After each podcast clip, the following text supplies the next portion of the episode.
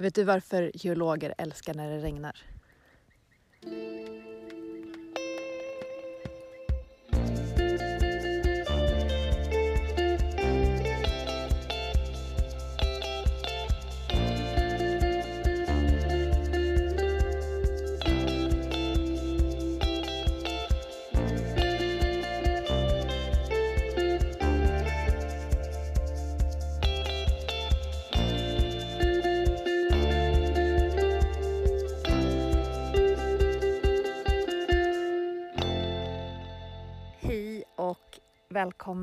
Till ett nytt avsnitt med Geologipodden.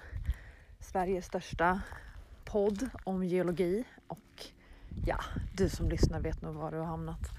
Eh, det här är ett fältpoddavsnitt som vi ska ha och eh, idag är det slutet av juli men vi ska faktiskt ända tillbaka till början av juni när jag var ute på en tur och sen så har jag plockat in en gäst och det spelade vi in eh, för en månad sedan, så det var början av juli. Så det här blir ett slags sommaravsnitt helt enkelt.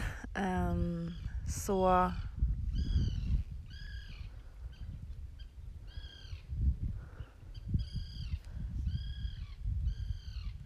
Ja, det är glada fåglar här. Det har regnat hela dagen och nu tittar solen fram. Och svaret på vad geologer tycker om med den svenska sommaren är såklart blöta klippor. Blöta stenar får liksom högre kontraster så man ser tydligare var, eh, var liksom gränserna mellan olika bergarter går och sånt där. Om det är olika färger på en sten så kommer det synas tydligare även för den som inte är så van efter att kolla efter olika mineral och sånt där. Så det är såklart svaret. Jag tror att vi har pratat om det innan. Både det att så här, ah, men det finns det som är nice med när det regnar. Också tipset att ha med sig vatten ut i fält. brukar jag låta barn göra. Pensla stenar. Väldigt, väldigt fint. Men eh, utan att eh, säga något mer om det så tänkte jag välkomna veckans gäst. Det är en vän till mig som har nördat in jättemycket på väldigt gammal berggrund kan man säga.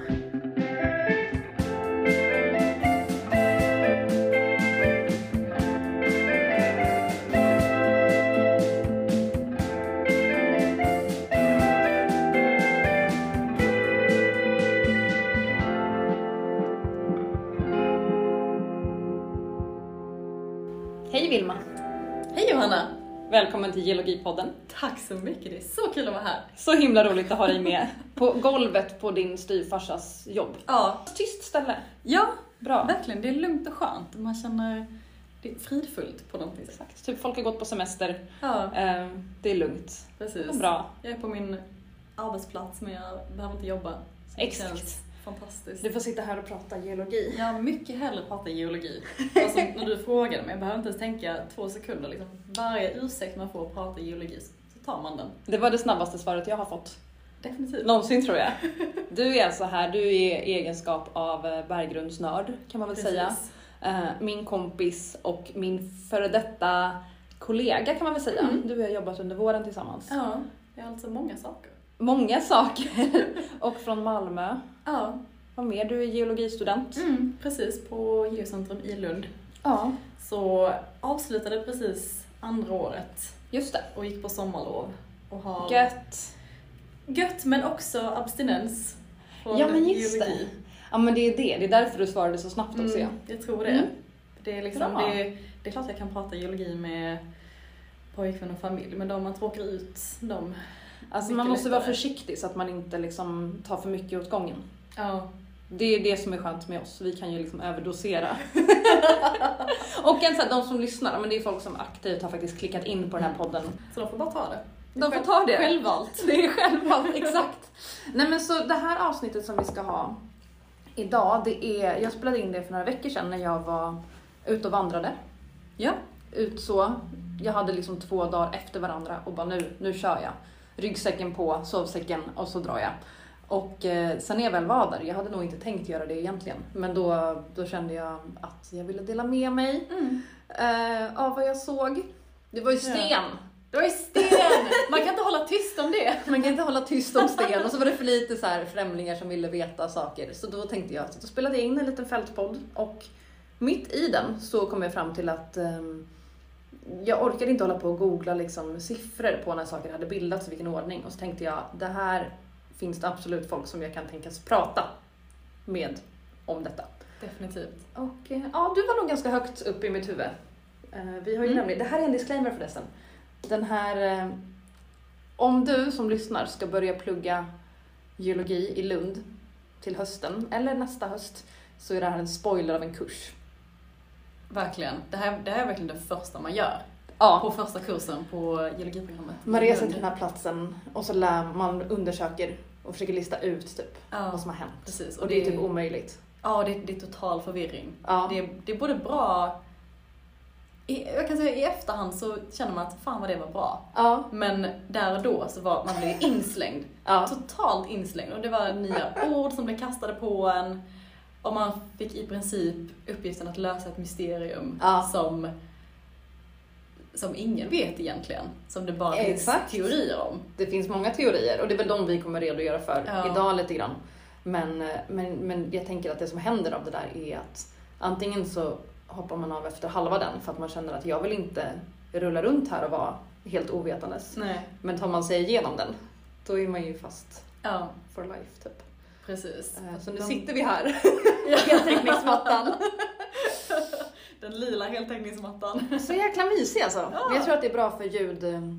Det är så, så mycket kan jag anstränga mig för ljudet i den här podden. Ja. Att vi så, vi har stängt dörren typ. Det High blir bra. effort.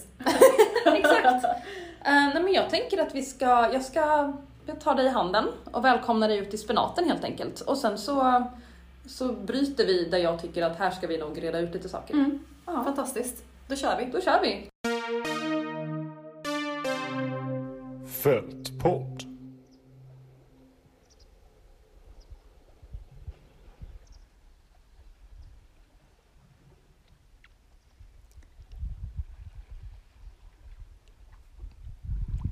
Nu vet inte jag hur mycket telefonens mikrofon tar upp omgivningen.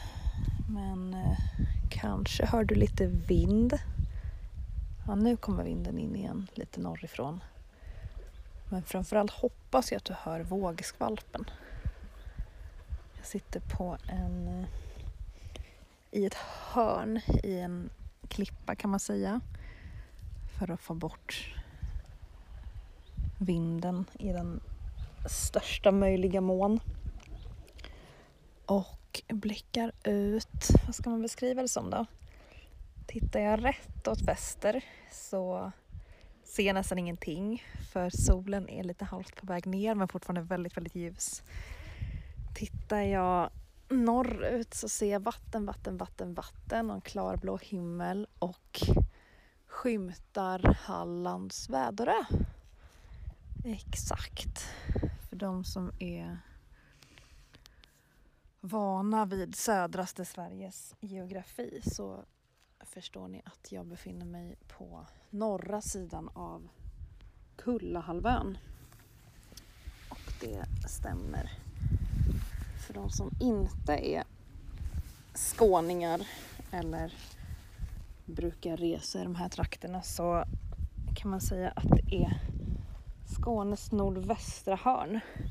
Och faktiskt, ja men som sagt jag ser Hallands Väderö så vi är nästan uppe vid så ja men södraste Halland. Och, nu blandar jag alltid ihop. Är det Skagerrak eller Kattegatt? Jag tänkte för att jag skulle kolla det men det är, det är någon av dem. Jag märkte faktiskt skillnad. För det första idag när jag, jag började gå i Mölle. I morse tänkte jag säga, nej klockan var typ två. Det tog ett tag att komma, komma hit. Så jag badade efter kanske en timme då innan leden började gå bort från, bort från stranden. Och eh, för det första märkte jag att det var svalare. Det var absolut inga 15 grader som det ändå är i, i Malmö just nu där det är så grunt.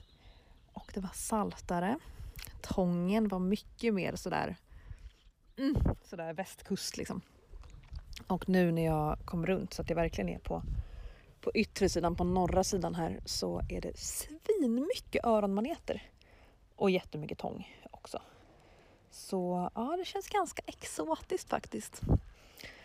Och vi ska inte prata växtlighet, för det här är ju en geologipodd. Utan jag ska berätta om geologin såklart. Men, men först och främst kan vi ju konstatera, oh, där kommer en skarv tror jag inflygandes. och satte sig högt upp på klippan. Um, för det första kan jag tala om, det här det är början av juni nu. Juni har precis börjat och började faktiskt spela in ett annat avsnitt häromdagen som handlar om det som jag har börjat jobba med. För att jag insåg att det här var ju ganska coola grejer ändå. Det är ofta så när man väl, man väl gör någonting att man inser att det här var ju, ja det här var ju, nu lärde jag mig något nytt, oj oj oj det här vill jag dela med mig av. Men, eh, nej, men nu blev jag så inspirerad och det var väldigt länge sedan vi hade fältpodd som bara bestod av sån här okynnes utomhusvistelse. Eh, senast jag spelade in någon fältpodd på det här sättet gjorde jag ju exjobb och det är jag ju färdig med nu och det var dessutom i augusti. Det är jättelänge sedan. Nej, oktober. Nej, augusti. Skitsamma. Och eh, i och för sig i vintras sände vi fjällen, fjällvandringen men den spelades ju in för, ja, för snart två år sedan. Jag tror vi kanske kommer ta hjälp av en expert för att reda ut historien eh, av den här spännande halvön som jag befinner mig på. Men det man kan säga generellt är att det är extremt branta sidor. Alltså den som jag sitter vid nu, det här är, det är extremt branta bergssidor, de som jag sitter vid. Det här hade kunnat vara liksom innerväggen i ett hus och det hade liksom sett bra ut. Alltså svårt att sätta hyllor på, kanske blir lite sprickigt, men det är ändå så här extremt brant.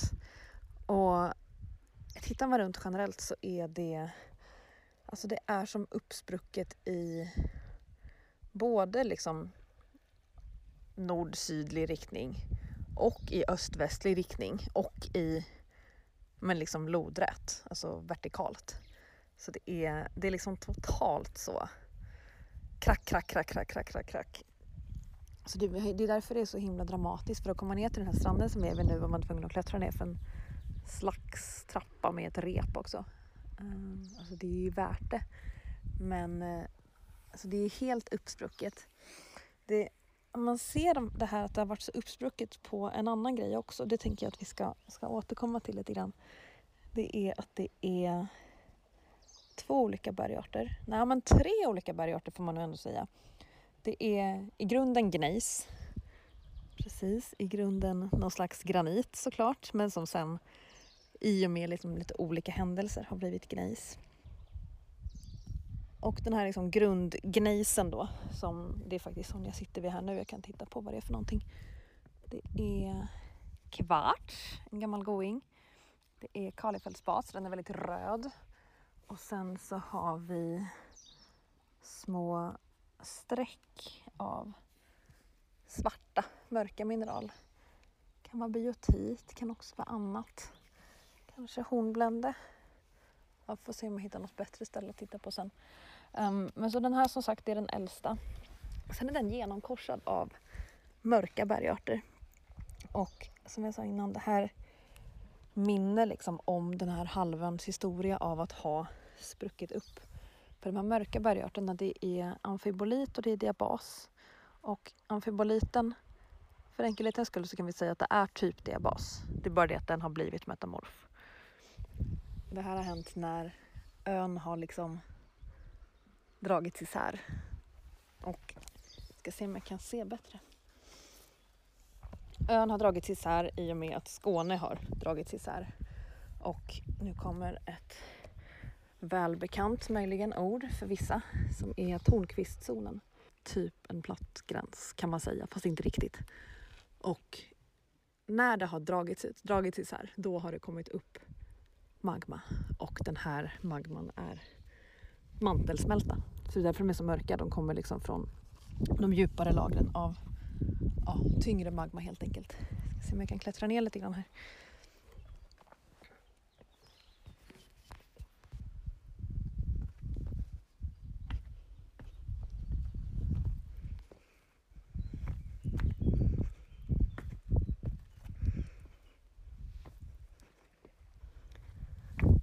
Det jag tänkte kika på är, jag hittade förut kontakt mellan de här mörka mafiska och ljusa fälsiska bergarterna här till exempel.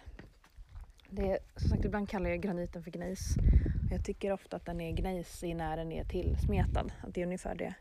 Och här tror jag att jag har hittat en äldre generation diabaser. Och det här får vi reda ut lite grann sen med tidsperspektiven. Um, men säg att det är, de är, säg att de är typ tusen miljoner år. Drar vi till med. Jag har för mig att det är där någonstans. Och här ligger den liksom i kontakt med, det har blivit som en slira in i gnejsen. Det är jättefint. Och verkligen så um, ja, men går rätt igenom och har blandat upp sig lite grann. Men det är väldigt utdraget.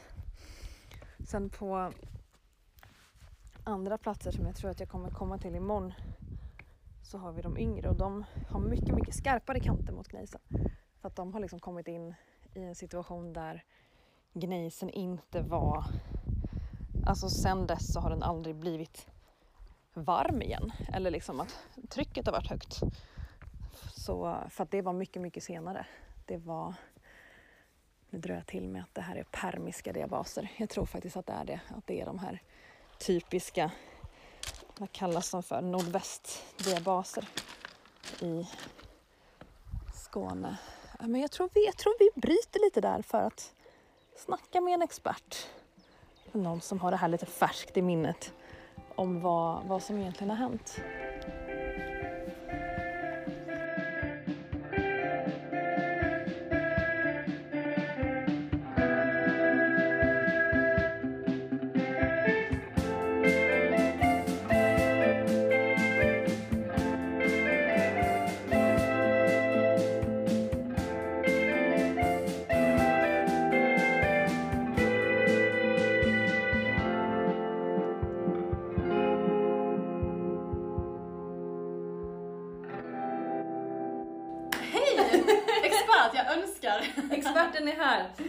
Um, men det är roligt att jag också säger någon som har det här lite mer färskt i minnet. Mm. Det är som att jag syftar på att du började på utbildningen senare än vad jag gjorde. Ändå. Ja, precis. Det gjorde du ju. Du var ju precis. på Kullaberg då för två år sedan nu snart. Ja. Um, men du har också gjort ditt kandidatarbete som handlar om berggrund mm. och typ uh, lite grann hur så saker krockar med varandra. Ja. Vad som bildas och grejer. Precis. Jag tror att du kommer få komma tillbaka och prata om det en annan gång. Ja, jättegärna. Jag är inte riktigt redo att släppa mitt kandidatarbete än. Nej mycket som har hänt. Det är mycket. så himla spännande. Ja, Men nu befinner vi oss alltså på Kullaberg. Um, du känner vinden, solnedgången, mycket vackert. Mm. Vilma, vad har hänt här? Vad fan har hänt? jag tänker att vi typ inte säger allt utan att vi delar upp det lite mm. i så här, um, vi, har, vi har några olika händelser. Om ja. man bara ska hårdra det. Precis. Egentligen kan man ju sätta det i ett så mycket större perspektiv. Det handlar egentligen om hela sydvästra Baltika egentligen, eller sydvästra Skandinavien. Just det, så jättestor del av Sverige. Precis. Det är verkligen inte bara Kullaberg vi pratar om. Nej, Nej precis. Men det, det. det som är så spännande med just Kullaberg är att man ser liksom varenda del i hela den här processen. Och det är lätt att urskilja varje steg och liksom mm. nästan kunna lista ut i vilken ordning saker skedde. För det är det. inte självklart på alla ställen, men just Kullaberg är en sån guldklimp för där ser man verkligen, okej okay, här, här, kan jag lista ut att det här har skett före det här. Just det. Och det är så spännande. Man ser ordningen, vad heter det? Ja. Cross-cutting relations ja. pratar vi om ibland. Ja, det är det. ju jätte, jättebra. Ja, men som, jag var ju i Stockholm nu förra veckan och där är det, alltså det är bara kaos. Det är bara smet, pegmatitgångar mm. som är smetade och sen så är det, det är nästan omöjligt ja. för att det händer så mycket saker igen och igen och igen. Men här kan vi nästan säga vad som var det senaste som hände. Mm. Precis. Utan nu ska vi inte gå händelserna i förväg. Men ja, så vi har Baltika. Mm. Som, vad är det liksom för, vad är det för ålder ungefär? Precis, så det, det var ju för 1,7 miljarder år sedan så bildades liksom grunden till Just Baltica. Det. Alltså graniten, att kiselrik magma kristalliserade. Just det. I någon enorm process. Ja, just det. Och det, jag tänker man kan koppla det till för vi brukar säga att de typ äldsta, vi pratade om Stockholm mycket förra, för, förra säsongen pratade mm. vi om Stockholm och typ att det är liksom bildat som vulkan. Tänk eh, Anderna. Ja, Det brukar vi prata om, att det är Anderna och så blir det liksom vulkanism och eh, det bygger på helt enkelt. Det bara tjopp, tjopp, tjopp, tjopp, tjopp, tjopp, just Det här är ju egentligen, för det var, då brukar vi säga 1,9 miljarder. Och det här Ja. är då bara 1,7. Det är så ungt. det är så ungt, men det är liksom någon av de yngre graniterna i Sverige ändå. Precis. Får man ju säga att allt bildades på ganska kort tid. Ja, Så vi har den här grundgraniten som är då typ vulkanmagma, precis. kan vi väl säga. Ja, ja kiselrik. Det betyder att det kommer lite ytligare Just det. från, från litosfäriska manteln kan man nog Just det, säga. det är inte nere i manteln ända ner nej. Nej, vi har ju astenosfäriska manteln längre ner och sen Ja. så har vi litosfäriska manteln lite högre upp. Just det. Och generellt är de ljusare, de som är högre upp. Ja, Och det är typ lite återanvänd sten, kan man väl ja säga. det kan man väl säga. Det är mer rörelser. Ja, Det är liksom det. mer, kontinentalplattorna rör sig ju, eller har rört sig lite hejvilt Ja. över jordskorpan. Så då blir det liksom mer att det materialet blandas ju runt mer kan man väl Ja. säga. Att liksom, omarbetas. Ja, att jordskorpan och litosfäriska manteln, de liksom delar lite material Ja, kan man säga. Medan astenosfären snarare kanske lite mer orörd. ja. Och att när det då kommer upp någonting som är helt orört från manteln, då är det fucking mantelsmälta. Ja. Då får du helt svart. Ja, Vi kommer till det. Vi kommer hade ju det. sett lite svarta grejer där Ja, också. Kan det, vara det. Något, kan det vara något sånt kanske? ja det borde det vara. Vi får se. Ja. Okej, så vi har ehm, 1700 miljoner år gammal. Nu säger jag det i miljoner bara för att man ska höra hur länge sedan det är. Ehm, Precis. Granit. Men den är ju inte granit nu längre. Nu Nej. kallar jag den gneis i fält. Ja, så vad hände? Vad har hänt? För det här är en av dina favorithändelser. Ja, Vilken händelse Det- var det? den svekonovegiska orenesen. Alltså det ordet. Det är året. Gud vad jag hade svårt för det. Ja, herregud. Det var det svåraste under hela mitt kandidatarbete, att lära sig att säga svekonovegiska orenesen. Just det, du skulle säga det på engelska då också. Faktiskt på svenska. Ja, du skrev det på svenska. Ja. Skönt. Väldigt Skönt. skönt. Men ändå. Men, eh, ja. Och det är alltså då, jag tror att vi har haft med den lite grann i tidigare, vi har pratat om bergskedjebildningar och sånt Ja. förr i tiden. Just det, och det Mm. betyder ju, orenes betyder ju bergskedjebildning. Just det, det är bara ett onödigt och fancy ord. Precis. Yes! Så mycket i vetenskap. Ja, härligt. Okej, så det är alltså en bergskedja som bildas för tusen miljoner år sedan. Mm. En miljard år sedan. Ja, Och hur drabbas liksom Kullaberg av det? Vad händer? precis. Vad händer då- med liksom graniten som är kullen idag? Ja, så då tror man ju att Baltika har krockat med en annan jättestor kontinent. Just det. Troligtvis Amazonia. Okej, så det är typ Brasilien? Ja, Ish. det borde det väl vara. Ja. Och det här skedde då i samband med att superkontinenten Rodinia bildades. Rodinia. Just det. Just det. Ehm, Och det är ju då inte den senaste. För det var ju Pangea. just det. Så vi har Rodinia innan. Ja, Just det, för tusen miljoner år sedan. ja, det har varit i lite olika faser. Men det var ju då, då Rodinia bildades och skedde den här enorma kollektionen. ja just det. Ehm, och det var ju det som var startskottet kan man säga på, Ja, på hela den här orenesen. just det. Och det är ju jättecoolt för det är så, det är så enorma krafter som Ja, vi pratar om. ja, ja. ja. Som, tänk liksom en kraft som kan omvandla berggrund, det går inte ens att föreställa sig. Nej, exakt. Den här graniten, eller gneisen som jag tittar på, som jag ser liksom är utsträckt på olika sätt. Ja, Den var ju då helt jämn precis. innan. Herregud. Precis, och det som man har lyckats komma fram till är att Baltikaplattan liksom dras ner under Amazonia vid den här Okej. kollektionen. Så vi vinner liksom inte krocken, vi hamnar underst kan man säga. Precis, vi hamnar underst. Mm. Och det märker man i våra bergarter för Ja. att de har upplevt höga tryck, höga temperaturer. Precis. Så att så som jag förstod det så har liksom Baltika dragits ner typ 30-40 kilometer ner under Amazonia. Det är ändå en siffra man kan liksom se framför sig typ. Ja. Om man går snabbt så går man typ så långt på en dag. Mm. Men maraton är väl fyra mil? Maraton är fyra mil. Maraton. Exakt. Så Baltika dras alltså ner ett maraton Ett maraton ner i jordskorpan. Under det. Amazonia. Ligger där, så det ligger en tjock, tjock, tjock berggrund Ja. över oss. Precis. Och ehm, vi är där nere liksom. Ja. Och det är ju både Baltikas kontinentala jordskorpa men också Ja. den oceana Just det. skorpan. Just det. Och då blir det liksom som ett jag tror att Uffe drog den här kopplingen. Att det blir liksom som man tänker att en kork trycks ner under vattenytan. Ja. Att det blir så liksom högt tryck på grund av densitetsskillnaden mellan Den lätta jordskorpan här ja, uppe den kontinentala Mm. och den oceana. Just det. Och det trycket gör liksom att Baltikas plattkant bryts av. Och det är det här som är slab break-off. Just det. Det ordet är fancy. Ja, Slab break-off.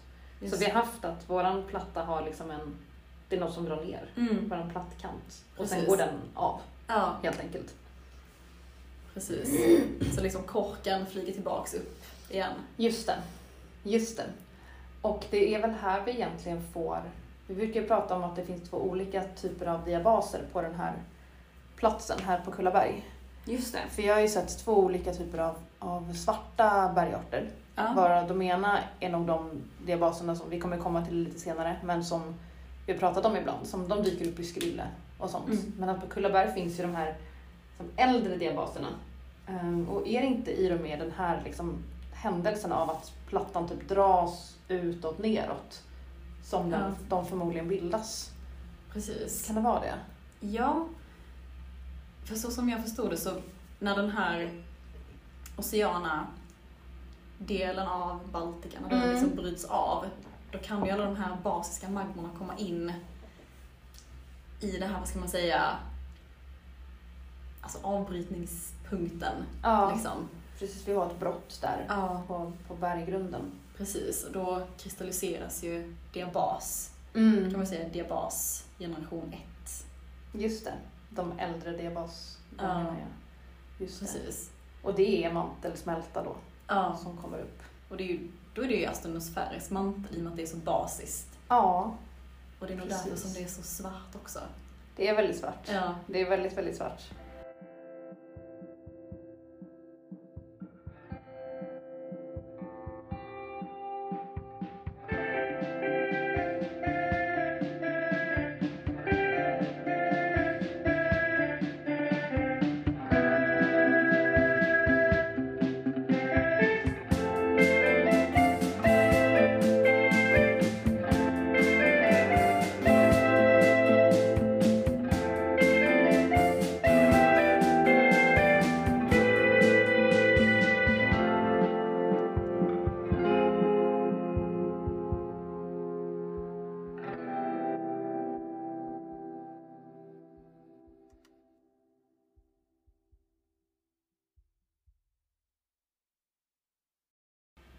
Men ja, den här, den här får inte vara, det är ju det som är så himla coolt på Kullaberg, den här diabasen är ju inte diabas längre. Vi Nej. kallar den ju för amfibolit. Precis. Bara för att göra saken ännu mer komplicerat.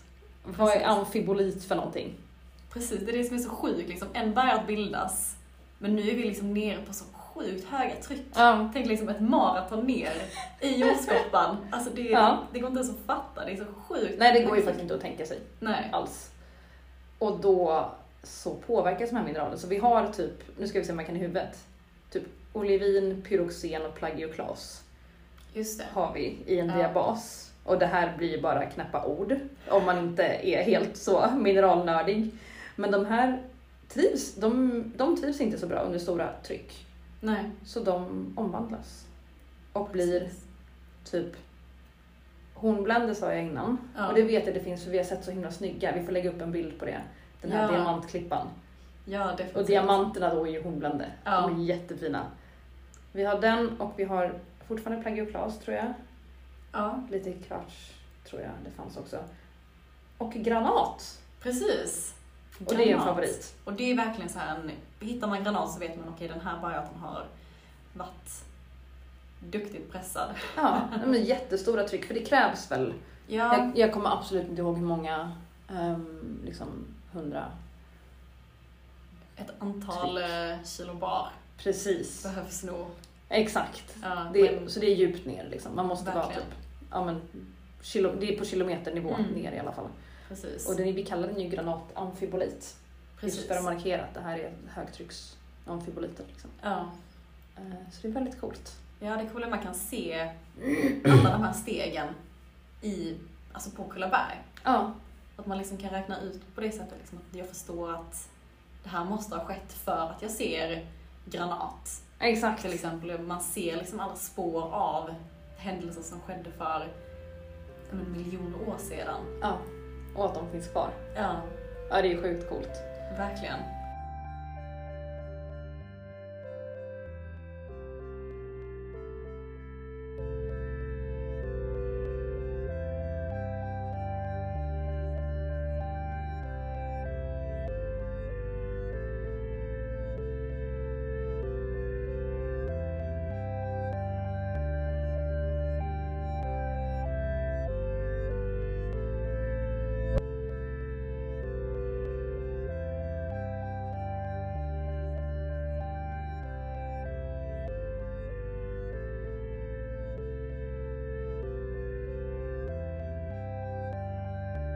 Men hur kom det sig att den kom upp igen då? Just det. För jag tänker den här korken liksom. Mm. Är det för Just att... det. För det, det är väl att krocken slutar någonstans? Ja, Eller hur? För vi slutar ju vara en superkontinent. Och så glider de ifrån varandra istället. precis. Så sen kommer vi upp till ytan. Ja. Och gissningsvis en massa erosion. Mm. I många, många miljoner år. Ja. Och det är också ett, ett coolt inslag att, att man kan veta ganska exakt när Baltikum måste ha kommit upp till ytan igen. För att man har kunnat datera spårfossil, Ooh. vilket är svincoolt. Jag tror det Wow. heter Rekekroken Ja. i Skåne. Ehm, som, ehm, där det finns eh, sediment, sedimentär berggrund. Okej. Och sedimentation som är en ytnära process kräver ju uppenbarligen att liksom plattan är på ytan och det är svalt och skönt. Ja. Deponeras massa sediment eh, och sand och sen så sedimenteras det och blir en fast bergart. ja. En sandsten. Och där vi kan se spår av liv. Då. Precis. Vilket vi ju per definition typ inte har nere i manteln. Nej, Och sådär. exakt. Det är liksom Mm. fastställt. Så man vet att det är typ minst vid så kambrium Mm. någonting. Precis. Hade du någon Ja, jag fin siffra på det eller? hade nog faktiskt det. Ehm, Ja, det här är nog senare va? det var nog 300. senare. Det var Ja, bara... 600-700. Kommer upp till ytan. Ja, där! Ja, precis. Det går att säkerställa att Gneis amfibolitplattan måste blivit helt uppdragen och svalnat av för mer än 530 miljoner år Mm. sedan. För då var det de här spårfossilerna som man har kunnat datera till den här tiden. Just det. Och jag tycker det är så häftigt liksom att det känns som att all geologi på Kullaberg, så det är så mycket olika delar av geologi. Att vi har liksom, vi har liksom enorma kompressionshändelser och metamorfos. Ja. Men att man också kan dra massa slutsatser från... Fynd av sandsten liksom. Ja, precis. Ja. Nej, det är skitcoolt. Ja. Eh, Fantastisk plats. Fantastiskt. Bra reklam här alltså. Ja. Nej, men du- nu minns jag det när du säger det. Jag Mm. minns att jag var där också med kursen. Ja. Det är länge sedan, men att Uffe stod där och bara Kolla här! Det är det Kolla här." subkambriska peneplanet. Och man bara, ett till ord. Åh, nej. För helvete. Ja, men nu är det ett av mina favoritord. Ja, gud ja. Säger det varje chans jag får. Ja, absolut. Det gillar nog din kille va? Ja, gud ja. Definitivt. Perfekt. Men jag tänker att vi ska komma till de här andra diabaserna. Ja, För de, de, jag har skrivit upp en siffra här för att vi kollade upp det innan. Ehm, jag tror att jag drog till med att jag sa att de var permiska, generation 2, i klippet nyss. Och nu får du påminna mig när perm är Men jag någonstans. tror att perm är för 300 miljoner år sedan ungefär. Mm. Eh, Det kommer upp liksom 290. Men jag tror att det är då. Vad, vad skrev du i din rapport? du har skrivit för cirka 300 miljoner år sedan. Ja, källa Uffe. Källa Uffe. Precis, det här är den första kursen. Då behöver man inte skriva en källförteckning utan vill man ha skrivit allt som finns i den här har Ulf sagt. Ja, i, i princip. Det är så skönt, första kursen på universitetet, sen får man inte Ja. göra så länge. Precis, då måste man ha en hel eh, referenslista. Eh, Man, får, man får glida lite på första kursen där. Det är för att man ska stanna kvar. Ja, för de vill inte skrämma, det. de vill inte skrämma bort den för tidigt. Med jävla käll, källhänvisningar. Ja. Ehm, men ja, vad hände då? då? Varför, varför kom det mer diabaser för? Mm. Just det, detta tycker jag är så intressant för det är egentligen den motsatta processen. Men ändå så blir det liksom alltså samma resultat kan man ju säga. Ja. Nästan. Ja. Det blir fortfarande diabas. Det blir andra, diabas. En andra generation av Ja. diabas. Och det är svincoolt fastän det liksom är en helt omvänd process. Precis, för vi är absolut inte neddragna under någon platta. Det sker ingen Nej. till sån krock. Det är inte det som händer, eller hur? Nej, precis. Nu pratar vi om en extrem kompressionshändelse. Liksom två kontinentalplattor trycks ihop. Mm, Och nu är det snarare liksom en process där det sker extension. just det. Just och det. då var det ju Avalonia, Avalonia-plattan. Just det, då är vi i Storbritannien, Precis. tänker jag mig. Så att Avalonia och Baltica då, Just är det. Skandinavien, Ja, dras isär. Eller Just det. snarare om man ska låta lite fancy att plattgränserna reaktiveras. Just det, för det här är ju en gammal plattgräns. Ja. För det har vi ju, vi har haft allt det där kaoset tidigare. Ja. Och nu så bara, åh nej, det börjar röra på sig igen. Gud vad jobbigt. ja. Inte det här när Pangea bröts upp. Jag skulle precis säga det. Det, det Ja. måste varit uppsprickning av en superkontinent. Jag tror det. Och det här är ju liksom hyfsat, det här är ju liksom i början på dinos... Nej, vänta. Jo, det är det är ganska tidigt. Tidiga dinosaurier är ju typ Perm Trias. Skulle Eller hur? Malena. Ja, precis. Vi får fråga dinosaurienörden nästa Ja, gång. Precis. Nej men jag tänker att det är där någonstans. Jo, men, så i början av i, i Perm då håller vi ju på och liksom eh, Vi håller på att krocka ihop och så bildas ju liksom lite berg och sånt Mm. lite längre norrut. Det, är det får vi ta i en annan. Ja. men, eh, men precis, de har kolliderat här är det skrivit redan för 420 till 430 miljoner år sedan. Precis. Ja men precis, det är ju Kaledonien. Ja, det. våran fjällkedja liksom. Precis. Och att den, den gränsen då reaktiveras. Just Det händer ganska mycket i kontakten där mellan, mellan de här kontinentalplattorna. Just det. Och det kan man ju själv försöka föreställa sig om man ska dra ihop någon, eller dra isär någonting som är jätte, jättehårt. Ja. Att det liksom leder till, det blir väl sp- spröd. ja, det blir Deformation. spröd deformation. Ja.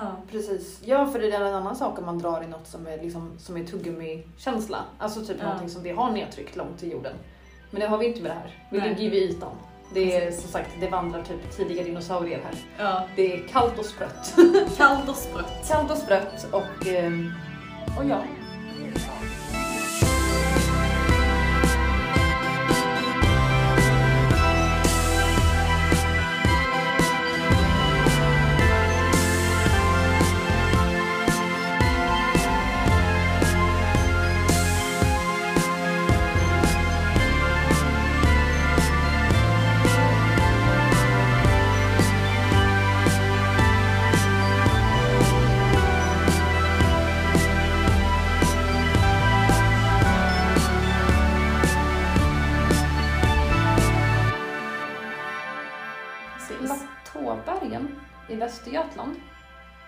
Återkommer väldigt ofta i den här podden på grund av en viss västgöte.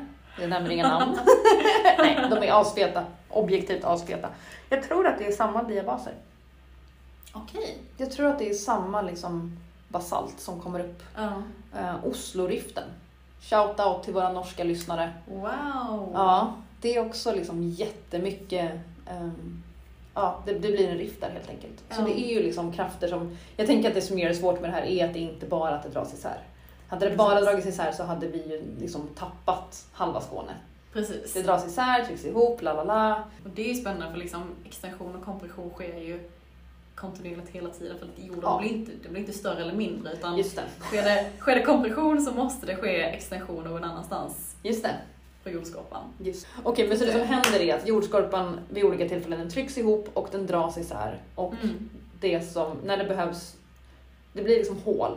Det behövs fyllas igen. Ja, Så det som sipprar upp är mantelsmälta. precis. Ja, Basisk mantelsmälta. Precis. Eh, Island eh, magma Ja, kan man säga. Det är den svarta blubbiga. exakt. Det, är- det är den. Ja. Men där är ju en mantelplym så det är inte samma situation. Fast lite för det är också Atlanten. Mm. Så det är lite samma Just situation det. på ett sätt. Det har nog att göra med varandra. Men de liksom, den är ju en extensionssituation på crack liksom. För att den har också en mantelplym tror man.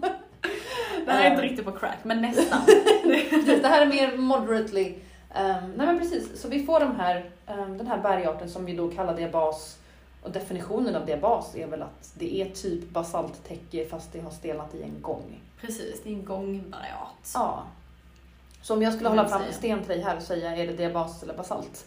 Så skulle du kunna säga på känsla så här, ja men det är förmodligen diabas, jag tycker den liknar. Men man kan också fega och säga, ehm, säg mig exakt var du hittade den här. Annars tänker jag inte svara. Precis. Typ. Man kan ju gå lite på kornstorlek. Mm. Basalt är mycket finkornigare än, Precis. än diabas för att det kristalliseras snabbare. Den ligger ju helt uppe på ytan Ja. stelnar liksom. Men diabasen är nere.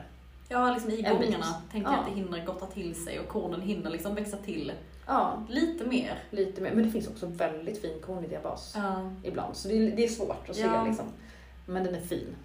den är fin. Väldigt fin. Mm. Och det, jag tänkte på en sak bara som jag nämnde här i klippet precis. Jag sa att jag bes, beskrev det ibland som att så här, gnejsen och den mörka bergarten var liksom väldigt smetig Mm. i kontakterna. Medan diabasen och gnejsen, alltså den andra generationens diabaser, snurrigt värre, ehm, att den är liksom, sa jag att den var spröd? Det tänker jag i alla fall.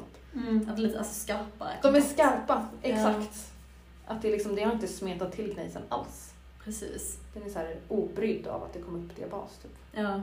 Och att det är som skillnad på om kontakten mellan bergarterna bildas när det är varmt eller när det är kallt. Just det. Alltså jag tänker att det är liksom, på tal om liksom historien man kan berätta typ. Precis, för då kommer man in på ett annat fancy begrepp. Kontaktsmälta. Ooh, ja, Fancy fancy. det är fancy. Men jag, tycker, jag gillar det här begreppet för att det säger ju faktiskt vad det är för någonting. Till ja, skillnad från orogenes. precis. Som är typ så här, det kan vara typ ett Mumintroll. precis. Ingen vet. Ingen egentligen. vet. Det är liksom hittepå. Exakt. Men den här kontaktsmältan, visst hade Mm. den, kan inte du visa mig din bild? Just det. På det, du hade någon från Paradis, heter den Paradishamn? Jo, men det tror jag det är. Där. Den här. Åh, Och det är liksom... För jag gillar för det, det är så logiskt egentligen. Ja. Att, vad tittar du på? Nu får vi köra lite precis. syntolkning. Vi har, vi har en gnejs. Ja, ganska mycket rött. Ja, så ganska mycket karlfeldspat Ja, troligtvis. Och sen så är det liksom svarta fläckar liksom. ja. Kan man säga. Jag tycker om ordet blobbar. Blobbar. Det är inte ett officiellt ord, men jag tycker det beskriver så bra.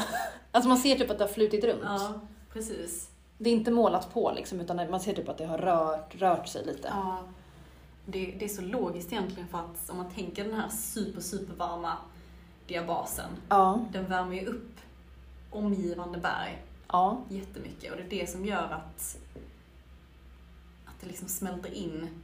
Där var kontaktsmälta, ja. det liksom smälter in i vartannat. Det är sjukt häftigt. Är det här från de första eller andra generationens diabaser? Minns du det? Har förhoppningsvis skrivit det i, Amfibolit, före detta diabas. ja, Då är det nog den tidigare. ja det måste det vara. Så för mig makar det sens att Mm. den andra generationens diabas inte skapar den här typen av kontaktsmälta. Nej, den var mer rakt på sak, som Ja. du sa. Det ska ganska mycket till för att man ska smälta upp gnejs på det där sättet. Det räcker typ inte med att det kommer någon som är väldigt varm Nej. och bara “jag är diabas” typ. Utan den behöver också vara långt ner i jordskorpan.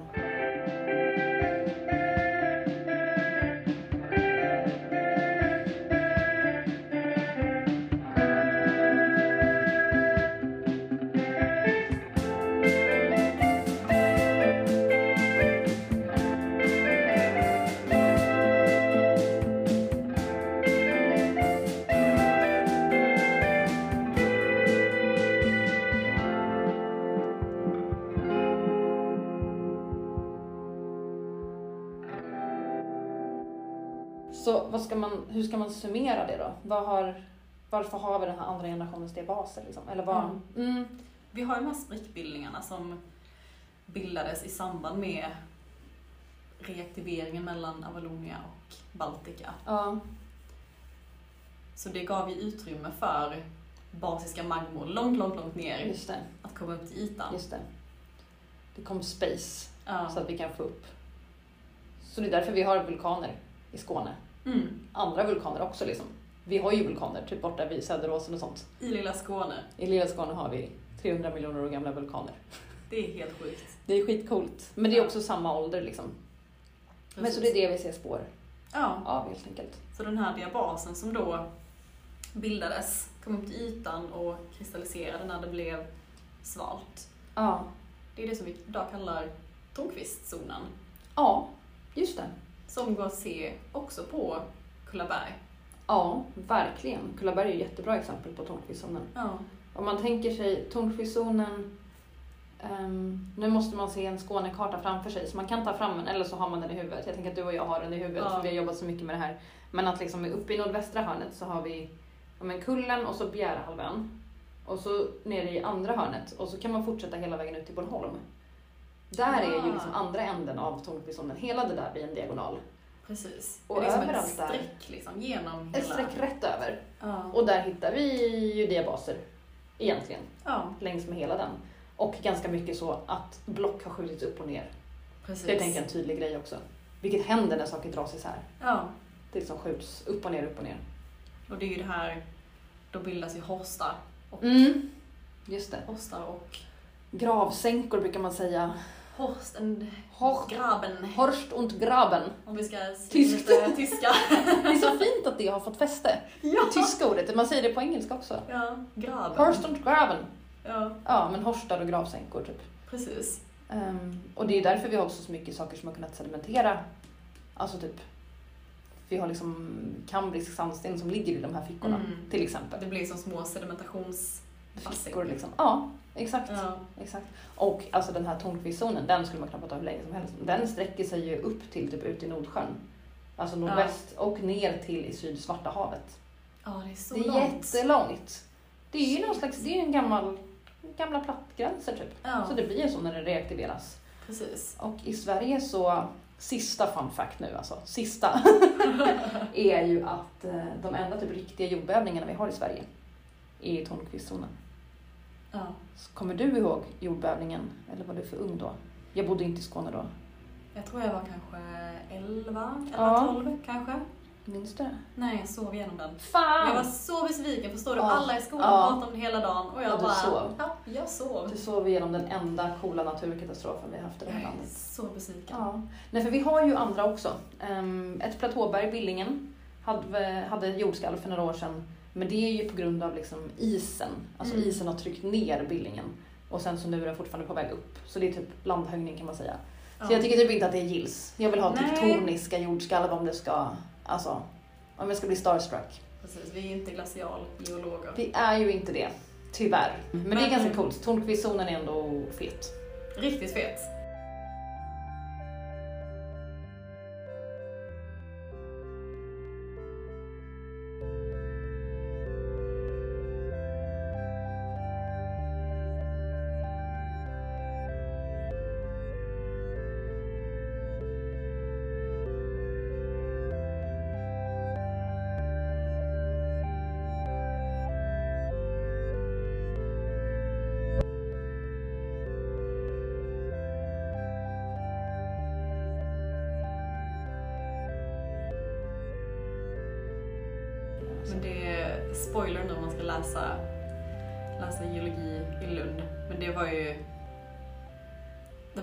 De två första exkursionerna byggde på. Ja. Att liksom först, första gången är man där, man fattar ingenting. Då handlar det bara om liksom att se sig omkring, undersöka, ta in mysteriet. Mm. Och andra gången så är man, då har man en klarare bild av För då har man ju hunnit ta del av lite teori också ju. Ja, precis. Och det är så jäkla coolt, de kontrasterna mellan hur det känns de två gångerna. Ja. Liksom den, den wow-känslan när man förstår de processerna som ligger till grund för det man kan se Ja. idag. Exakt. Och bara tänka att det här skedde för alltså, en miljard år sedan. Alltså, det, det går inte ens att förstå. Nej. Nej. Och det, det är svinhäftigt. Men jag kan känna lite grann att det där är en upplevelse som jag typ önskar att de flesta kunde få. Mm. Alltså bara den som kastas ut någonstans, inte få ett litet häfte där det står så här fältspat, hornblände, bla bla bla, utan att bara så här beskriva vad du ser. Så här. Vilka färger ser du på min... Alltså så bara beskriva och sen försöka få dem att make sense. ja. För det var så värdefullt att inte liksom försöka få all teori Nej. innan och sen försöka hitta det och så känner man sig lite dum för att man inte hittar allt det där. Men som någon har sagt så här, du ska hitta, du ska hitta en röd sten. Man bara, allt är grått. Typ. Ja, För att man har inte de ögonen än. Typ. precis. Men eh, nej. Men också att det liksom är en röd tråd genom allt inom geologi att först och främst, vad ser du? Ja, Och sen kan man dra slutsatser från det, men alltid först liksom, vad, vad kan du se? Vilken färg har det? Är det grovkornigt? Är det finkornigt? ja. Och vad kan du titta efter liksom? Ja. Men det är därför man bara vill åka dit nu. Ja. Alltså jag behöver inte ens ha något projekt. Nej, Jag kan verkligen bara åka dit. Ja, men typ som det som jag gjorde då. För inte så länge sedan. Precis. Eh, ska jag berätta vad jag gjorde mer? Ja, do tell. Ja. Fältpodd. Tack för det.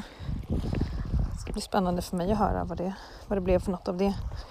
Jag är ända nere vid vattenytan nu och fortsätter att titta på de här väldigt gnejsiga slirorna och här ser jag något som jag verkligen tycker är liksom omvandlad diabas, alltså då amfibolit. Man ser att det är som stora fältspatkristaller, ibland kvarts. Ska inte vara så mycket kvarts, men det kan vara en del kvarts som liksom har smetats ut. En annan sak som är tydlig runt om på Kullahalvön som jag ville ändå ge lite, utrymme är det här med istiden. Dun, dun, dun. För det finns faktiskt eh, ganska spännande istidsgrejer här. Dels så har vi de här strandvallarna Alltså den här typen av sten som jag sitter vid nu. Jag kan lyssna på och se om någon hör vad som är grejen med de här stenarna nu. Ja. Jag tycker det låter som att de är runda i alla fall men jag har ju också okulärbesiktigat och håller dem i händerna. Extremt runda stenar, det är en så total, total klapperstensstrand helt enkelt. Och här på Kullälven på vissa ställen så hittar man den här typen av stenar, alltså i mängder, klart högre upp. Och det har vi pratat lite om förut, men det var nog ett tag sedan. Det handlar om att vattennivån var högre förut. Sorry, jag fortsätter klättra här. Jag måste ha lite utsikt. Vattennivån har stått klart högre i vissa perioder. Och sen så har den ju sjunkit och höjts i takt med att så eh, havsnivån har höjts och sänkts och sådana saker när, när inlandsisen försvunnit. Och sen den senaste rörelsen här har väl varit att landet har höjts när inlandsisen har försvunnit. Är ni med? Väldigt spännande.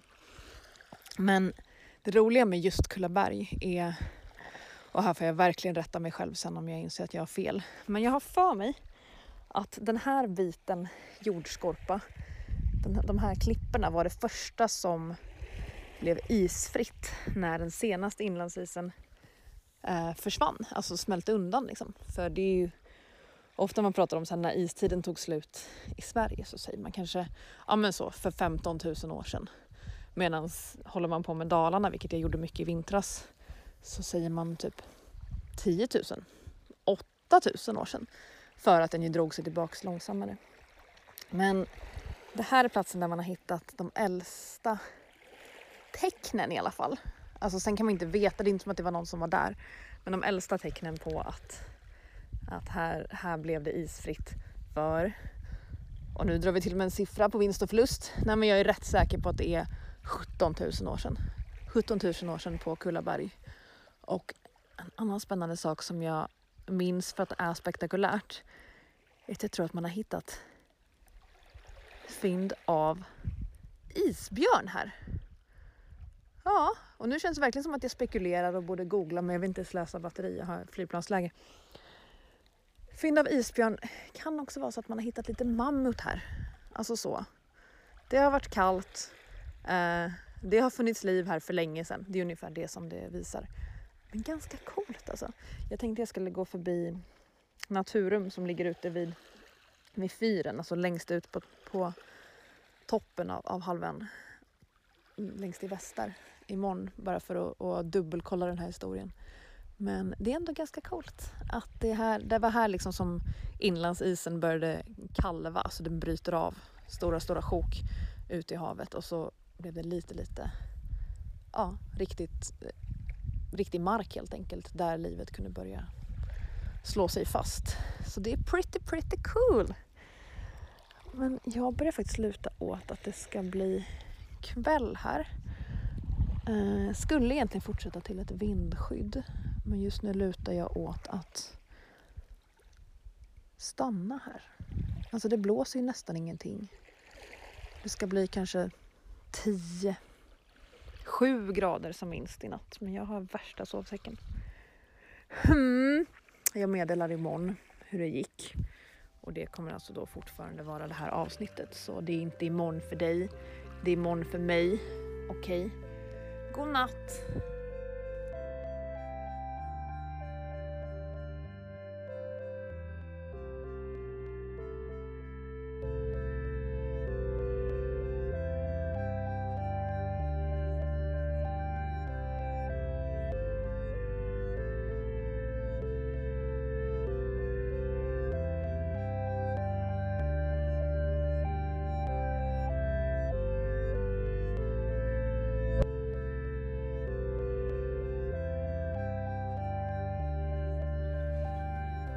Dag nummer två på Kullabergshelgen med andra ord också. Dag nummer sista. Trist, fast också min mat är slut så jag hade inte kunnat fortsätta. Plus jag jobbar imorgon. Men eh, ja, man ska vara ganska nöjd när maten är slut för då har man inte burit något i onödan. Och nu är jag två och en halv kilometer från Kullens fyr dit jag är på väg för att eventually ta bussen hem. Men nu går jag liksom med no norra, norra delen västerut alltså och fick precis en ganska fin utsikt över Bjärehalvön och det är ganska klart så man ser Hallands Väderö, rätt vackert. Den är på listan kan jag säga. Dit vill jag. Har eh, haft planer på det länge. Det är inte helt lätt att bo där. Men eh, det är väl bara att, att lösa. Tänkte berätta vad jag såg precis när jag lämnade stranden nu. Ja, för uppdateringens skull. Det var inte den stranden som jag var på igår och tänkte att jag kanske skulle sova på utan den kommer jag strax att passera. Jag sov istället uppe i skogen ganska nära vindskydden. Men de var upptagna. Jag orkade inte trängas, orkade inte kommunicera med folk. Men det var också totalt vindstilla. Inga regnprognoser, så jag sov under en bok. Det är väl det finaste. Finns det något tryggare än att sova under en bok? Ja, nej, man ska, man ska ta chansen. När Nu går jag förbi det som heter Käringmalen. Det var där jag var igår kväll. Men det jag var nere vid nu hette Josefine Lust.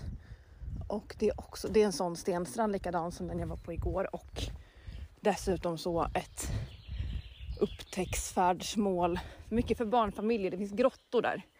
Så jag var lite inne på att vi skulle haft en, eh, ha lite grottpodd. Det är ju alltid populärt. Det är clickbait va?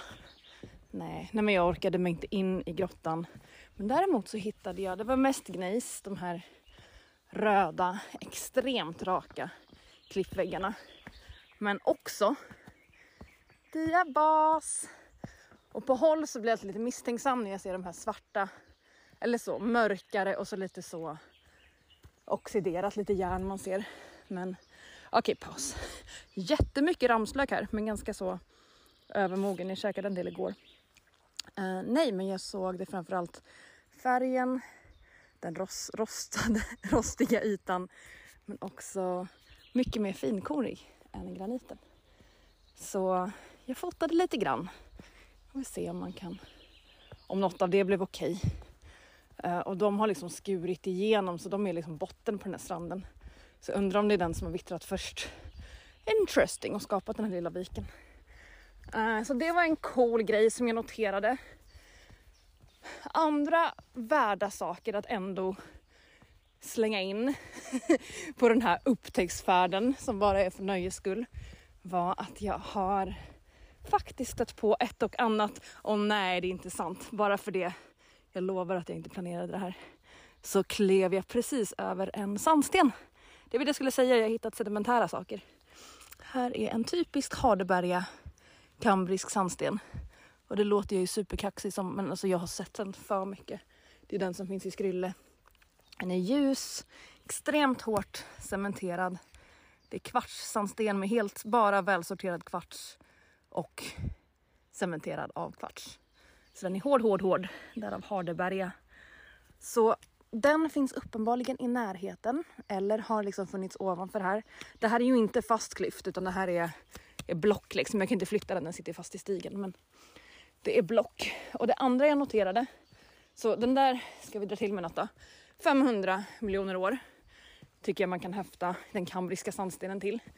Och det jag också hittade igår var i form av liksom klappersten, så små runda stenar så. Um, nej men en halv handflata stora kanske. Flinta. Coolt va? Och det är ju mycket, mycket mycket yngre. Vad jag vet så finns det ingen flinta i Skåne som är yngre än krita i alla fall. Så där är vi nere på så, nej men 100 miljoner år bara. Så det är ja, men typiskt Skåne, även när man kommer till en sån här urbergshorst. Det är granit som har blivit gnejs, det är diabas och det är också äldre generationer av diabas, alltså amfibolit.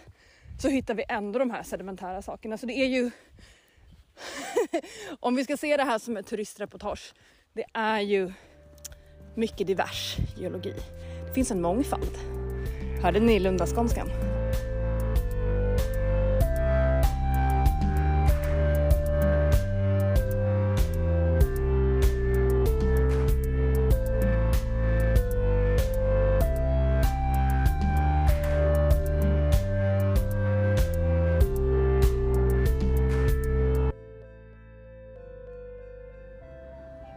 Här blir femte och sista uppdateringen från den här vandringen.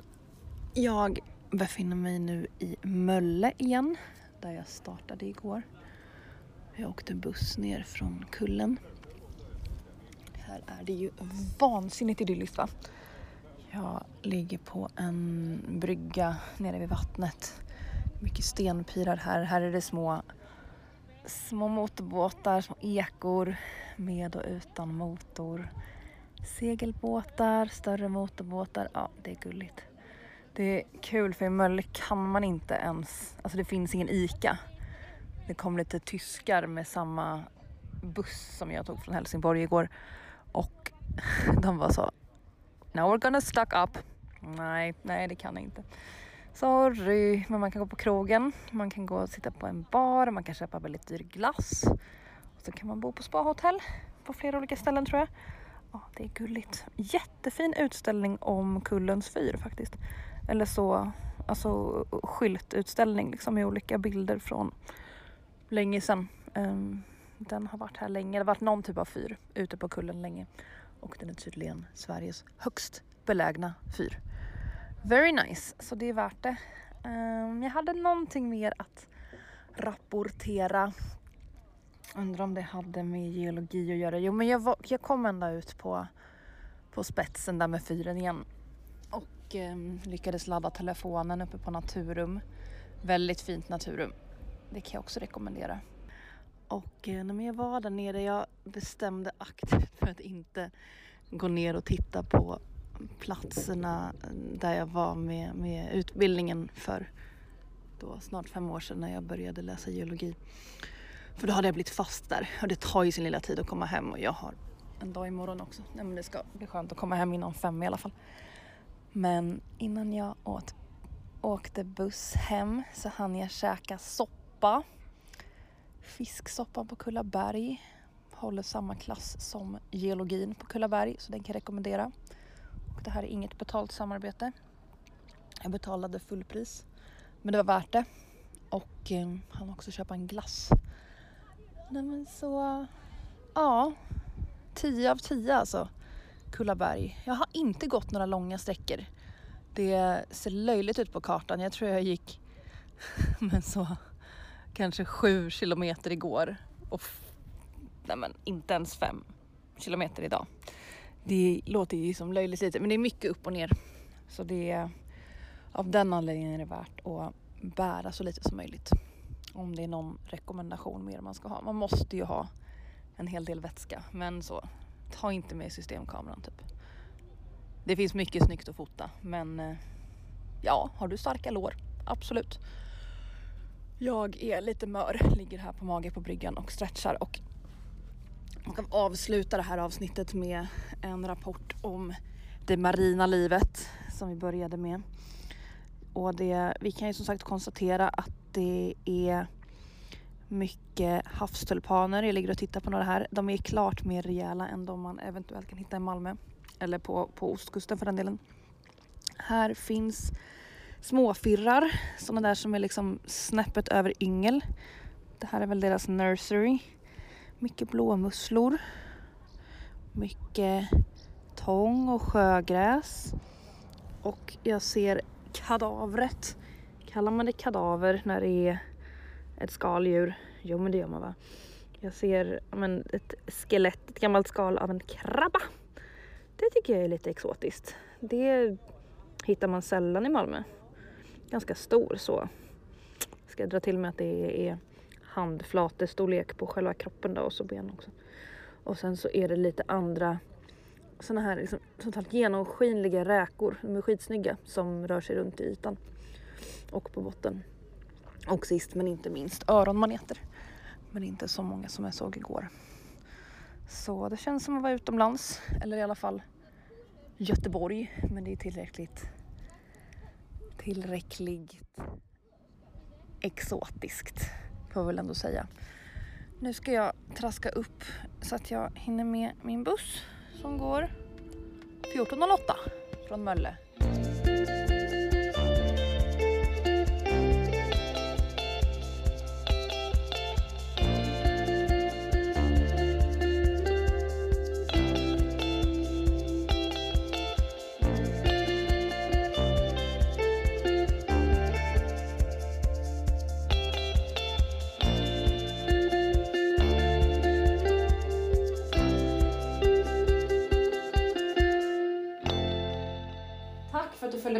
Kullaberg.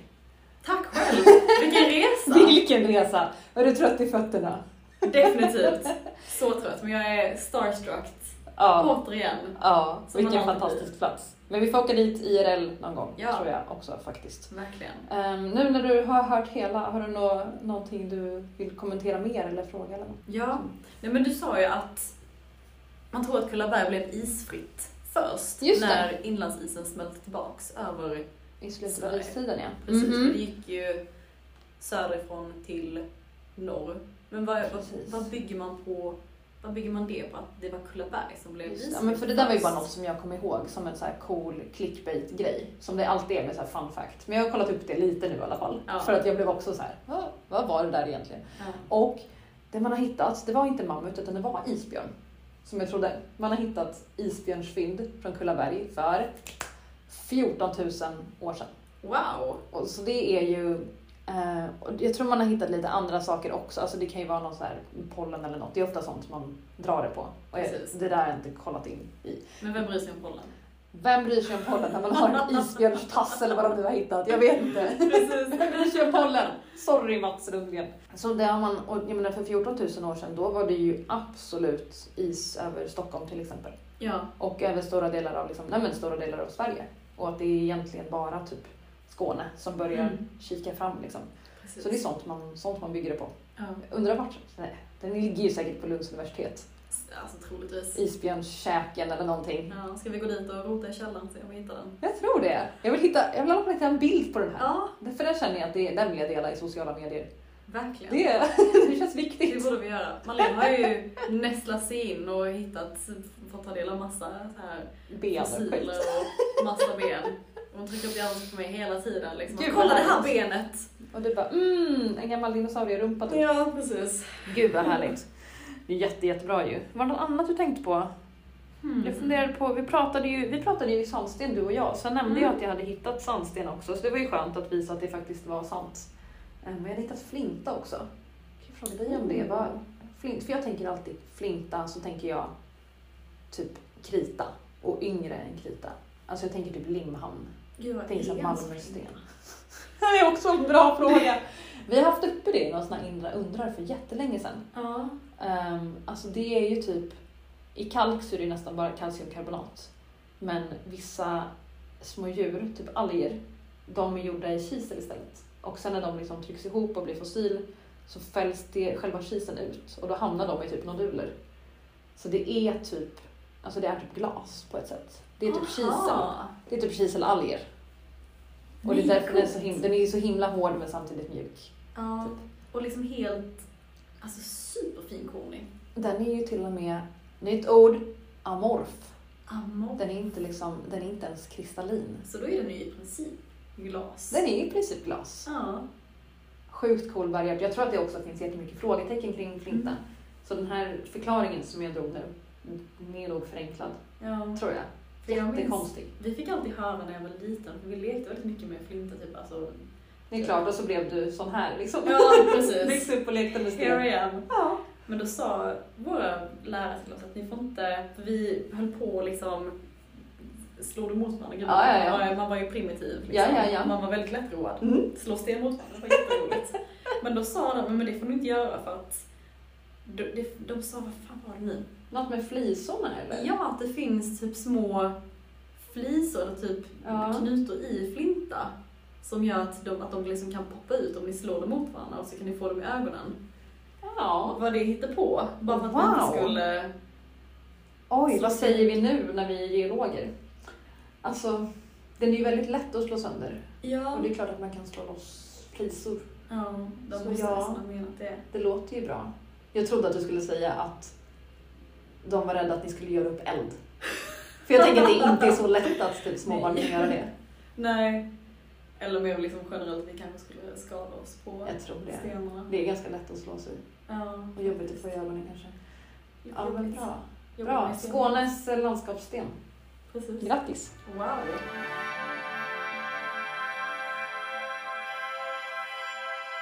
Just det, du Um, fått nytt jobb. Ja, det nämnde vi. pratade, jag sa det i förbifarten bara. Så. Jag har fått nytt jobb. Jag har tagit examen. Och eh, det känns jättelänge sedan redan. Jag insåg det sista avsnittet, alltså det senaste släppte vi ju typ, vi spelade in det dagen innan jag presenterade mitt exjobb. Ja, vilket för övrigt var fantastiskt. Det var också i samma veva som jag förberedde mitt presentation. Ja, det var det vi höll på med där ju. Ja. Och det, jag sa det till dig efteråt att det var så bra att jag tog mig tid att gå på din presentation om mansarbetet. där. För det var som en påminnelse om att geologi är skitkul. och man är så stressad och det är så mycket att göra och man ska hålla en presentation. Och det är så mycket prestera i sånt där Ja, ju. Mm. och det var liksom när du presenterade så kände jag bara, nej men det här är ju jätteroligt. Det blev som en påminnelse varför jag pluggar geologi. Men gud vad För härligt. det är så roligt och inspirerande. Och jag hade ju världens finaste exjobb också med min fantastiska krater. Ja. Det är ju svårt att inte bara le när man tänker på hummen. Ja, Jag har liksom inte fått ägna mig åt den på en månad typ. Nej, saknar du den? Ja, det gör jag. Absolut. Och nu, du sa det innan att du har gått på sommarlov nu och saknar geologin. Ja. Jag har ju börjat jobba som geolog. Ja, Och det känns lite konstigt att säga det så här bara, men jag har jobbat som geolog i en och en halv månad. coolt? Typ idag. Ja, det är jättekonstigt. Ja. Eh, Jag jobbar med hydrogeologi. Så Det är mycket grundvatten. Mm. Eftersom jag är helt ny, så det är så härligt för då får man ju göra det som liksom inte kräver så mycket. Och det är så jäkla skönt. alltså, nej men det är så, just det här, alltså det är mycket, det har varit väldigt intensivt ändå, bara att lära sig folks namn. Alltså det vet jag det var ny Ja. jobb. Det är ju Ja. jättemycket och det är som att jag är så trött när jag kommer hem så att jag bara håller på att dö. Typ. Ja, och det är inte för att folk ger mig svåra uppgifter, utan bara för att det är mycket liksom. Nya intryck. Och vart har jag lagt saker och var ska man Mm. Och det här mötet är stående, okej, och hur gör man när man loggar in i det här? Och, ja, du vet. Ja. Allt det där. Men jag har, jag har gjort några coola saker i alla fall, om, man, liksom, om vi håller oss till geologin. Jag har fått skicka ström genom marken för att ta reda på vad som finns i. Det här måste jag Oh. berätta om i något annat avsnitt någon gång. Alltså. Men det är skitcoolt. För att liksom kunna utvärdera, tror vi att det är sand här typ. Så lite geofysik. Geofysik, absolut. Kan rekommendera geofysikkursen. Ah. Absolut, den ska du läsa. Spännande. Eh, jag har fått vara med, och det var nog det absolut coolaste, jag har fått vara med och borra. Ner Oh. i fucking marken. Det är det man I- drömmer om. Alltså jordlagret eller? I jordlager. Det här var på ett ställe i Skåne där, jag tror jord, jordmäktigheten, alltså från där man sätter sina fötter till att berg börjar. 60 meter. Oh jäklar, Alltså Skåne är helt sjukt. Det är en så sjuk plats. galet. Så det är, jag kan ju inte säga vart det var för det är ju konfidentiellt för det här är liksom Ja. att man letar grundvattentäkter. Men alltså det var lera, lera, lera. Alltså den var så fin den här leran, det var typ glaciallera. Okej. Nu hörde ni prata glatt om lera. Och sen kom det Wow. morän. Och det var så här väldigt liksom allas kornstorlekar. Och sen kom det typ sand. Och sen, okej det här var det häftigaste. Plötsligt så vi trycker ju ner vatten i borren liksom för att kunna borra för att det fastnar typ annars i leran. Ja. Och så plötsligt så, och jag står och försöker ta emot prover för att liksom, ja men, ta reda på vad det är för någonting typ. För det är liksom geologen på plats ägnar sig åt det. Eh, plötsligt så är det liksom inte, jag känner skillnad på vattnet. Det är inte liksom det vattnet vi har sprutat ner. För det är svinkallt. Det kommer upp så här 10 grader Jaha. kallt vatten. Och Eller hur- varmt alltså. Hur varmt var det vattnet som ni Men pumpade jag in? vet inte, men det måste ju varit liksom, det hade väl varit i en tank i en bil typ. Och Typ rumstempererat. Typ rumstempererat, exakt. Och sen så Ja. plötsligt så kommer det så här 10-gradigt vatten. Och jag bara, prisa gudarna, här kommer grundvattnet. Ja. Det var skitcoolt! Gud vad häftigt. Ja men det var det. Just när man har hållit på så mycket med teoretiska saker Ja. så är det så underbart att få göra fältgrejer och bara typ lära sig av folk som jobbar med att borra hål i verkligheten. Typ. Precis. Skitcoolt. Jag tänker typ att den, det projektarbetet man gör på hydrogeologikursen på Ja, Lunds universitet, där gjorde man ju typ en light-version ja, där man pumpar vatten ute i Revinge. just det.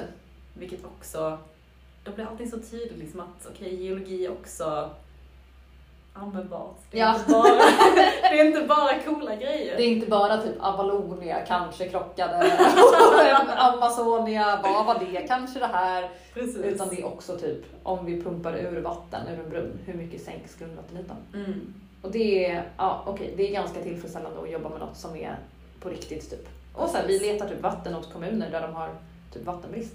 Ja, det är ett Alltså det är skitcoolt. Och sen, Ja. ni kommer kanske alltså, borra i berggrund också?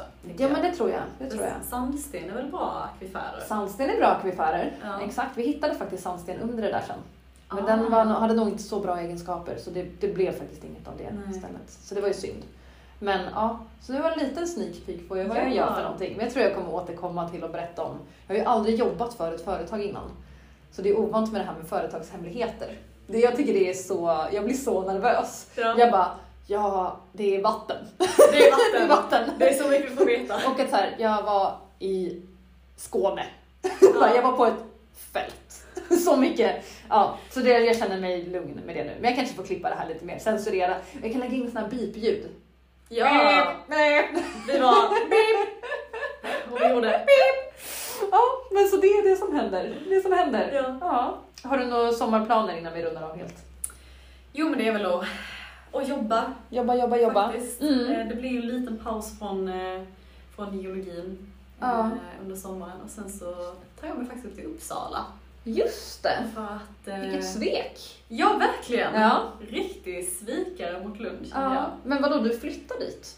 Ja, under en termin bara. Jaha, du har ett utbyte. Precis. Okej. Så att Ja, jag är lämnar okej. inte Lund helt och hållet. Du är förlåten. Nej, just det. Mm. Ja men för jag har ju kurser som jag tycker du ska läsa sen, typ på Ja. vårterminen och sånt. Så Ja, det måste du ju göra. Geofysiken. Geofysiken till exempel. 100 procent. Absolut. Men jag har ju sökt lite, lite masterkurser i Uppsala. Mm. Så det är bland annat typ så här lite, en kurs hette dynamiska geosystem. Oj. Så då läser man liksom hur alla system på jorden hänger samman. Och då tänker man liksom biosfären, Oj. litosfären Ja. som berggrund. Ehm, Men gud vad kul. atmosfären, hur alla... Kul med stora processer. Ja, verkligen. Wow. Och sen ska jag läsa en kurs som hette naturresurser och Oh. malmbildning och lite sånt. Wow, det kan jag alldeles för lite om. Ja, jag med. Man hade ett litet inslag av det i den här ehm, Pyttelite. Geologi. Geologi samhället igen. ja. Ja. hela den kursen, man bara gled igenom den ju. Den Ja, kändes... det var inte så svårt. det var lite semester. Så jag lyssnade inte så noga. Men Nej, Karls avsnitt om just Malmer. det fascinerar mig. Det ja. Men gud vad kul. Det ska bli Mm. härligt att höra vad du lär dig då. Ja, jag är supertaggad. Jag håller tummarna att jag kommer in. Ja men det gör du. Eh, Mm. Jag bara tänker att du är en sån overachiever så du kommer in och Ja, söker. det... Eller var inte intervjuer liksom. För då har du inte en chans. Nej, uppenbarligen inte. Nej, de bara... Nej, det blir inget. Henne det vill blir vi inte inget. Nej. Jag håller tummarna. Ja, Och jag vill med. tacka för att du var med Tack idag. för att jag blev inbjuden. Det var Jättetrevligt. Det här gör vi om. definitivt. Jag, som jag sa till dig innan, att Mm. jag tar ju varje chans jag får för att prata ja. Det, och människorna i min omgivning blir tacksamma också för då slipper ju de höra på det. Exakt. Så det är jag och eh, alla geologipodders där ute, vi gör världen en tjänst. Definitivt. Som eh, definitivt. avlastar din omgivning kan man säga. Liksom, som min kille sa när jag skrivit klart mitt kandidatarbete. Det var ju dels grattis, det var det Ja, första han sa. Men Snällt. men det var också, kommer du sluta prata om silikon nu? Man slutar aldrig prata om silikon. Nej, aldrig Det, det finns faktiskt inte. Sorry. Det kan du hälsa honom. Om han orkar lyssna på hela det här avsnittet och komma hela vägen hit, vad vi nu är en timme in misstänker jag, Ja, då hälsning till Vilmas kille. Man slutar aldrig prata Precis. jag måste också få håna honom för att när jag berättade, när jag berättade för honom att jag skulle prata om Kullaberg idag Ja. så sa han Kullaberg, är inte det stället som häxorna flyger på påsken? Men alltså Så lille vän. Nej! det är Blåkulla! Åh, så dåligt. Vadå, är han inte skåning eller? Nej, han är norrlänning. Okej, ja Så men det- fair enough. Det är väl typ en ursäkt. Fair enough. Då kanske man inte kan Kullaberg. Nej. Jag kunde inte Kullaberg förrän jag hade flyttat hit. Ska jag erkänna. Nej. Det kunde jag inte. Men det är Mm. inte ställa dit häxorna flyger. Utan det är dit geologerna flyger. Om och om igen. Om och om igen. Ja, och eh, vi rekommenderar alla att åka dit. Definitivt. Hör av er, vi kanske följer med. 100 procent. 100%. Tacka inte nej till en trip till Kullaberg. Det gör vi inte. Åh, gud vad bra. Men ja, följ oss på Instagram. Maila oss era frågor. Ehm, vi, frågan vi får ibland är, får man fortfarande skicka in önskesjöar? Ja, det får man. Man får önska sjö. Önska Man får sjö. alltid önska sjö. Man får önska, man får önska brott numera. Vi har ju veckans brott dessutom. Just det. det får man också önska.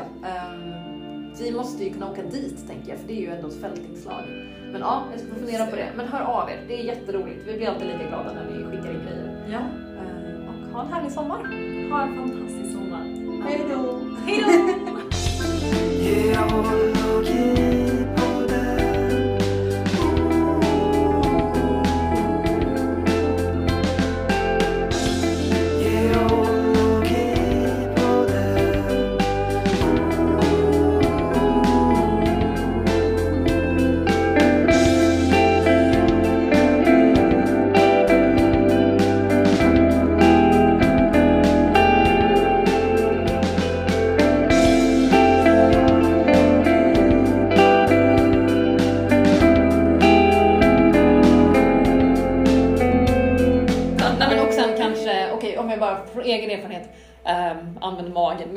för, jag, för jag pratar lätt så här annars. Och så gn- gnekar jag runt liksom. Mm. Men bara speak up. Ja. Ja men det blir jättebra.